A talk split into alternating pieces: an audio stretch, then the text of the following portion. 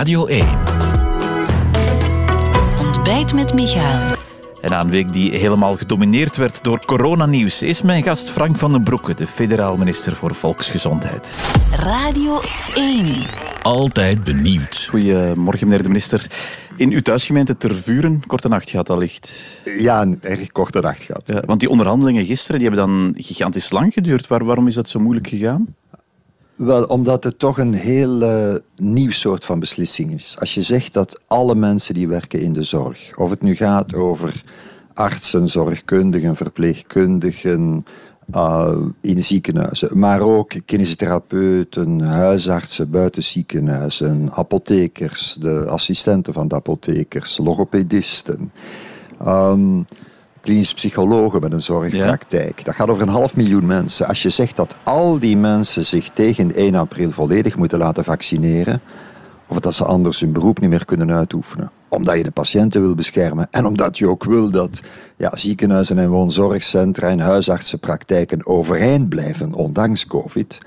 Als je dat zegt, en je gaat dat uitvoeren, dat is natuurlijk een totaal nieuw ja. gegeven. Maar u had wel een akkoord maandag, hè? U had een akkoord. Ja, daar, is dan, daar zijn dan weer vragen bij gesteld. Door uw zusterpartij.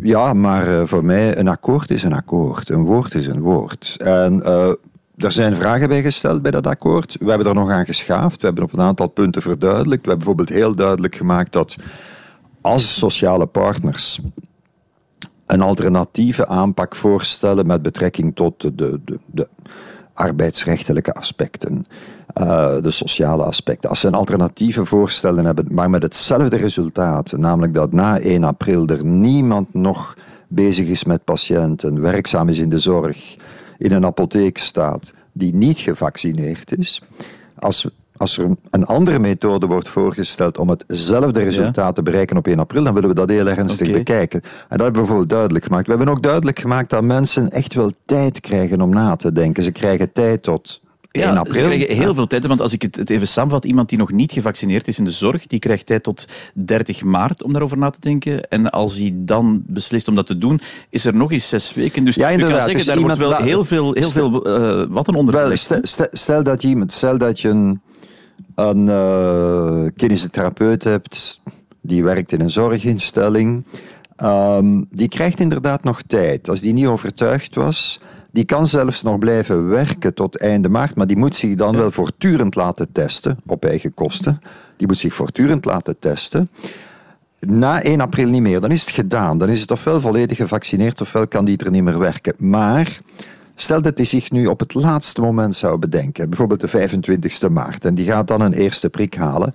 Wel, daar hebben we nog een beetje geduld mee. Dan zeggen we, oké, okay, zo iemand die verliest niet echt zijn contract, die kan in tijdelijke werkloosheid mm-hmm. gaan, tot die tweede prik gezet is, en dan kan die terug aan het werk. Dus we willen mensen tijd geven, maar op een bepaald moment moet het wel zo zijn, en die, dat moment is 1 april, dat iedereen die bezig is met kwetsbare oudere mensen, met patiënten, met zorg, die in een apotheek staat, ja. uh, een huisarts, iedereen moet volledig gevaccineerd zijn. Uh, u zegt iedereen, er werken in de zorg ook veel zelfstandigen. Ja, dat geldt ook voor die zelfstandigen. Hè? Geldt ook inderdaad voor een verpleegkundige. Ja, maar u die, kan uw arbeidscontract natuurlijk niet stopzetten, want ze zijn zelfstandig. Nee, maar deze mensen verliezen wat wij noemen het visum of uh, de registratie. Dus een zelfstandige die niet gevaccineerd is, kan niet werken vanaf nee, 1 april? Die, als die het zou doordoen, dan is die bezig met wat we noemen onwettige uitoefening van het beroep.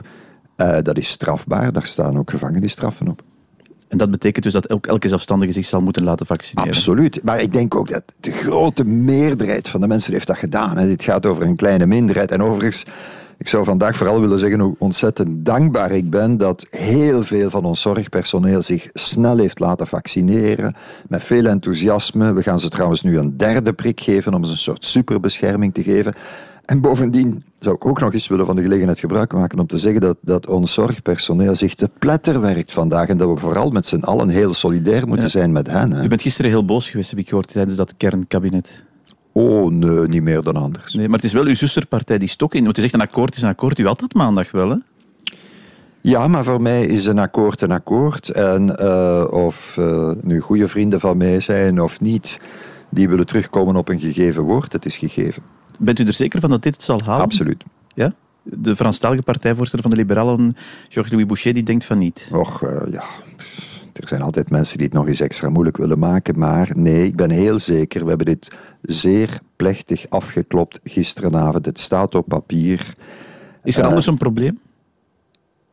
Ik denk dat er geen probleem is, want u, weet je, we hebben het zelfs al ondertekend. Ja, dus anders is er wel een probleem, denk ik dan. Nee, maar ik ben zeker dat er geen probleem is. We hebben er lang over gediscussieerd. Ik denk ook dat het een goed akkoord is. Het is op een aantal punten ook verduidelijkt en verbeterd. Dat is dan het voordeel van zo'n incident, is dat je dan toch nog de gelegenheid neemt om meteen nog een aantal dingen bij te schaven. Anders doe je dat in wat wij noemen de tweede lezing. Want zo'n wetsontwerp komt twee keren op de ministerraad. We hebben nu meteen een aantal dingen bijgeschaafd en dat is goed, vind ik. Ja, iets wat gisteren ook beslist is en wat misschien wat minder aandacht kreeg in de Nationale Arbeidsraad, is voor uh, ja, wie, wie een test wil ondergaan tijdens de werkuren. Hè? Ja, weet je, onze huisartsen gaan er echt onderdoor. Hè? En dat heeft ermee te maken dat veel mensen bellen naar de huisarts in verband met testen. En als mensen afwezig moeten blijven, dan moeten ze nog eens naar de huisarts om een ziekenbriefje te gaan halen. Dus wat we nu doen, is dat als je een beetje ziek voelt en je denkt dat je moet laten testen, dan kan je naar een website gaan, www.mijngezondheid.be. Je gaat naar die website. En daar heb je een, een instrument waarbij je kan checken of je inderdaad zou moeten laten testen. Als dat zo is, krijg je automatisch een code voor de test. Je moet daarvoor niet naar de huisarts. En bovendien, vanaf nu is het zo dat als je moet laten testen, dat je ook automatisch een attest krijgt voor je werkgever. En dat attest zegt, deze persoon moet zich laten testen en je kan daarmee 36 uur afwezig blijven zonder dat je naar de huisarts moet gaan om een ziekenbriefje te vragen. En zo willen we de huisartsen helpen die kreunen onder het werk. En meer in het algemeen, naast mijn enorme dankbaarheid voor de huisartsen, zou ik willen zeggen aan de mensen: bel niet naar de huisarts voor administratieve vragen over COVID, waar je elders de antwoorden voor vindt. Er zijn infolijnen, er zijn websites. We moeten de huisartsen niet lastigvallen met allerlei administratieve vragen. Nee, het is uh, zaterdagochtend, het is, het is, al iets over acht. Om zeven uur vanmorgen zijn die nieuwe maatregelen ingegaan. Rijkelijk laat meer duidelijkheid gekregen. Gisteravond pas dat koninklijk besluit.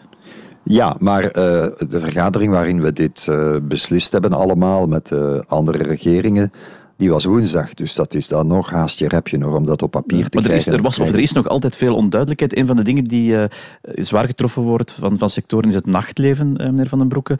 Uh, waar het verschil duidelijk is tussen danscafés en discotheken. Discotheken die controles doen en zelftest aan de ingang. Daar kan zonder masker gedanst worden. Ja, ja blijkt, onder voorwaarden. Ja, maar blijkt nu uit het koninklijk besluit dat daar eerst het samenwerkingsakkoord nog voor moet worden Ja, maar we gaan, we gaan daar niet op wachten. Um, inderdaad, we zijn een een ingewikkeld land en wetgeving is altijd ingewikkeld. Maar de afspraak is eigenlijk dat we daar niet op gaan wachten. Laat ons duidelijk zijn. Hè. Uh, om te beginnen, als ik het even mag verbreden, we zitten in een explosie van het virus. Echt een explosie. En de boodschap die ik zou willen geven aan iedereen is: wees zeer voorzichtig. Vermijd al te veel contacten, zeker nauwe contacten. Vermijd dat. Hè. Uh, loop buiten rond met vrienden, hè, eerder dan binnen te gaan zitten. Hè. Uh, draag het mondmasker, overal waar je binnenkomt. Als je naar een evenement gaat, uh, toneelvoorstelling, een concert of iets anders. Als je naar een evenement gaat, dat kan. Maar ten eerste verzeker u ervan dat als dat een evenement is met meer dan 50 mensen, dat men daar de coronapas gebruikt en ernstig gebruikt. Ten tweede, als het een evenement is met meer dan 50 mensen, uh, ja, dan moet daar een mondmasker gedragen worden. En als dat evenement wil dat er iets zonder mondmasker gebeurt, um, bijvoorbeeld bedoel, als het gaat over een discotheek, ja, als het gaat over een discotheek, gaan, sorry, ja. Um, ja, dan moet er uh, een zelftest gebeuren vooraf. En die moet ernstig gebeuren. En anders moet je het niet doen. Nee. Dat geldt, geldt ook voor persoonlijke feestjes. Ja, maar even, even, die discotheek, toch die duidelijkheid, meneer Van den Broek. U zegt we gaan tolereren dus, ondanks het feit dat die wetgeving niet aangepast is, als alles loopt zoals nee, het nee, loopt. Nee, nee, we zeggen niet alleen dat we dat tolereren, we zeggen dat we dat wensen. En laat mij ja, duidelijk zijn dus dat... Geldt... dansen zonder mondmasker mag vanaf vandaag. Als alles ge ge georganiseerd is zoals het hoeft. Ja, ja, inderdaad. Dus, dus je kan zeggen, vanaf vandaag, in een discotheek er is geen mondmasker voor de mensen die naar de discotheek gaan. Op een dubbele voorwaarde. Namelijk één, je gebruikt de coronapas correct. correct, je controleert die ernstig. Tweede voorwaarde, je organiseert en je controleert het afnemen van een zelftest. Ja. En je laat alleen binnen wie naast de coronapas ook kan bewijzen dat die zelftest negatief is. dat Dat, kan vanaf vandaag. Overigens, als ik er daar mag, iets mag aan toevoegen, we moeten super voorzichtig zijn. En dat geldt dus ook voor private feesten. Bij private feesten zeggen we ook, als je meer dan, meer dan 50 mensen, je moet een coronapas vragen. En het mondmasker moet op. Hè? En dat is hoe dan ook zo. Dat is, zelfs een, dat is eigenlijk Ja. strenger dan de discotheek. Het mondmasker moet op als er meer dan 50 mensen in een privaat feest zijn. Ik zou er nog iets aan willen toevoegen. Als ik een privaat feestje zou organiseren, ik zou ook afspreken dat we een zelftest doen. Is geen verplichting, maar ik zou dat ook afspreken. Eh, u zit hier eigenlijk eh, toch te waarschuwen dat dat virus eh, is explosief. Het is een u. explosie die we meemaken. Ja, gaan die maatregelen van voorbije woensdag dan volstaan? Want we zien ook in buurlanden hè, wordt gedacht aan strengere maatregelen. Oostenrijk in, in lockdown weer. Is het een, een, een kwestie van wachten bij ons dat dat gaat gebeuren? Wel, ik, ik hoop dat we er op deze manier doorgeraken, maar dat zal alleen maar lukken. We zullen alleen maar echte sluitingen, echte lockdownmaatregelen kunnen vermijden.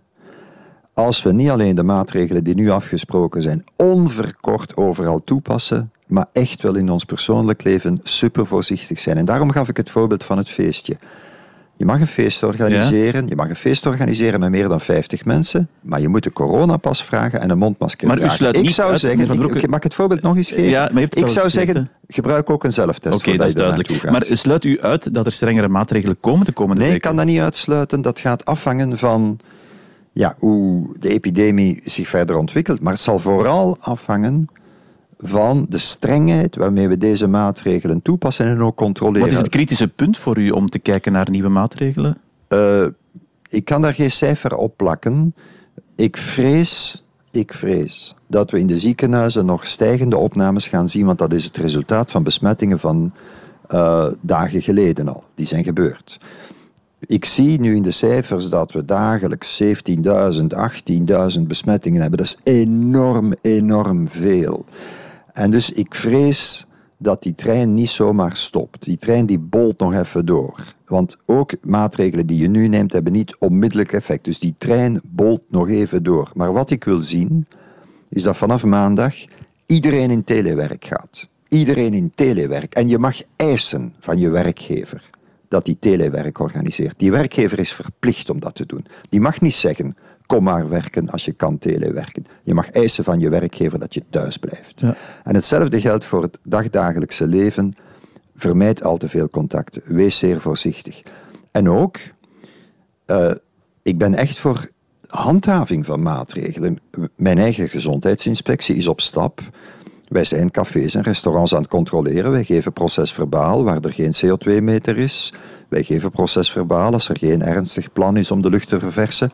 Wij melden ook aan de politie. Wij melden aan de politie als wij zien dat de CST niet ernstig gebruikt wordt. Wij geven dat door.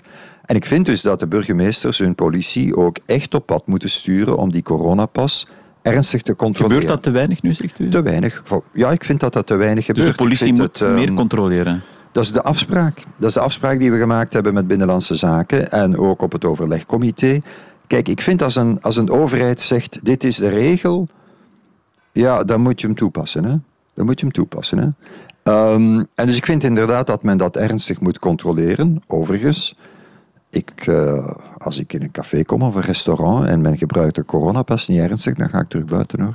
Is het ik een oproep dat u voelen, doet hè. aan mensen om te zeggen van als dat Ja. niet controleert, boycott die zaken, zegt u. Absoluut, Dat zijn harde woorden. absoluut. Ja?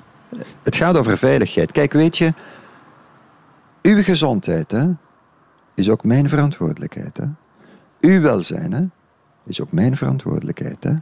En mijn gezondheid is uw Ja. verantwoordelijkheid. Maar dus ook van de overheid om dat te controleren. En Ja. dus zegt u eh, aan uw collega Verlinden, er moet meer gecontroleerd worden. Absoluut.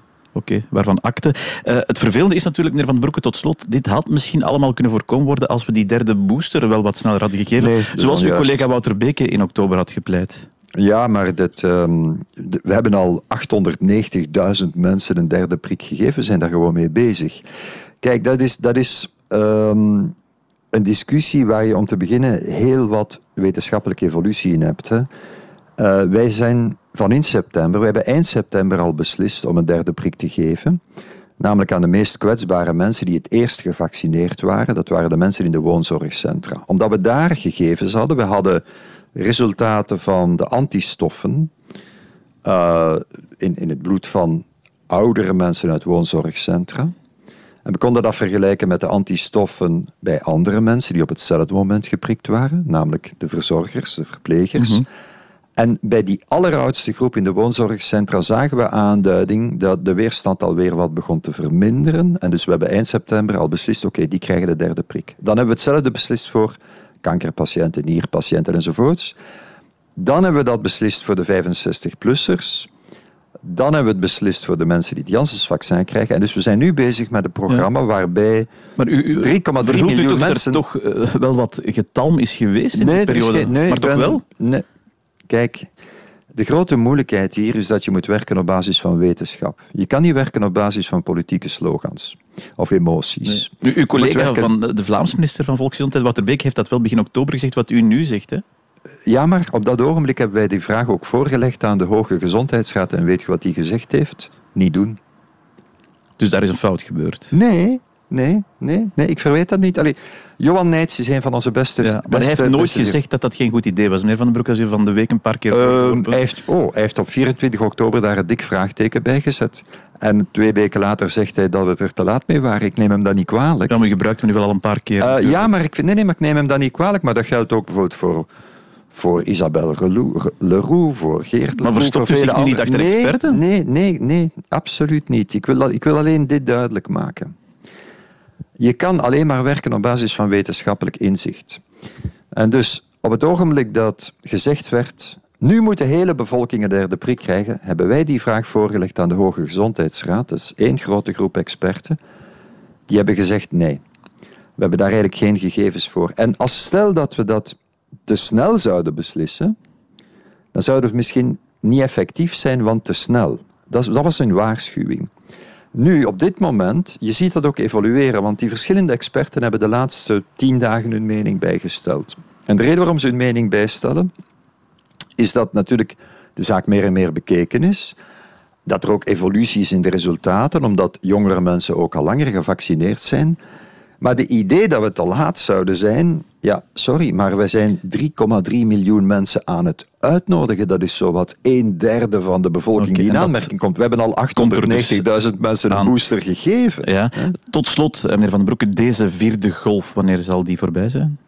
Dat gaat nog even duren. En dus dat is ook de reden waarom we um, eigenlijk maatregelen nemen waarvan we hopen dat we ze ook lang kunnen volhouden. Want het is werkelijk allen samen, in alle sectoren. Heel kort tot slot, maar het is wel relevant voor mensen. Kerst en nieuwjaar, gaat dat gewoon kunnen gevierd worden? Dat hoop ik, ja. Dat hoop ik. Mag ik nog eens even terugkomen op wetenschap? Heel kort dat we gaan afsluiten. Ja, maar ik vind het jammer dat u zegt dat ik mij verstop achter. Nee, ik verwijt dat niet aan onze Maar je gebruikt wel die naam heel vaak, hè, van, ah, natuurlijk, van ah, natuurlijk, omdat het duidelijk moet zijn. Omdat ik, kijk, dat zijn de mensen die ik respecteer en die ik volg. Hè? En het moet dus heel duidelijk zijn dat dat ook voor die mensen moeilijk is, dat die ook hun mening moeten bijstellen.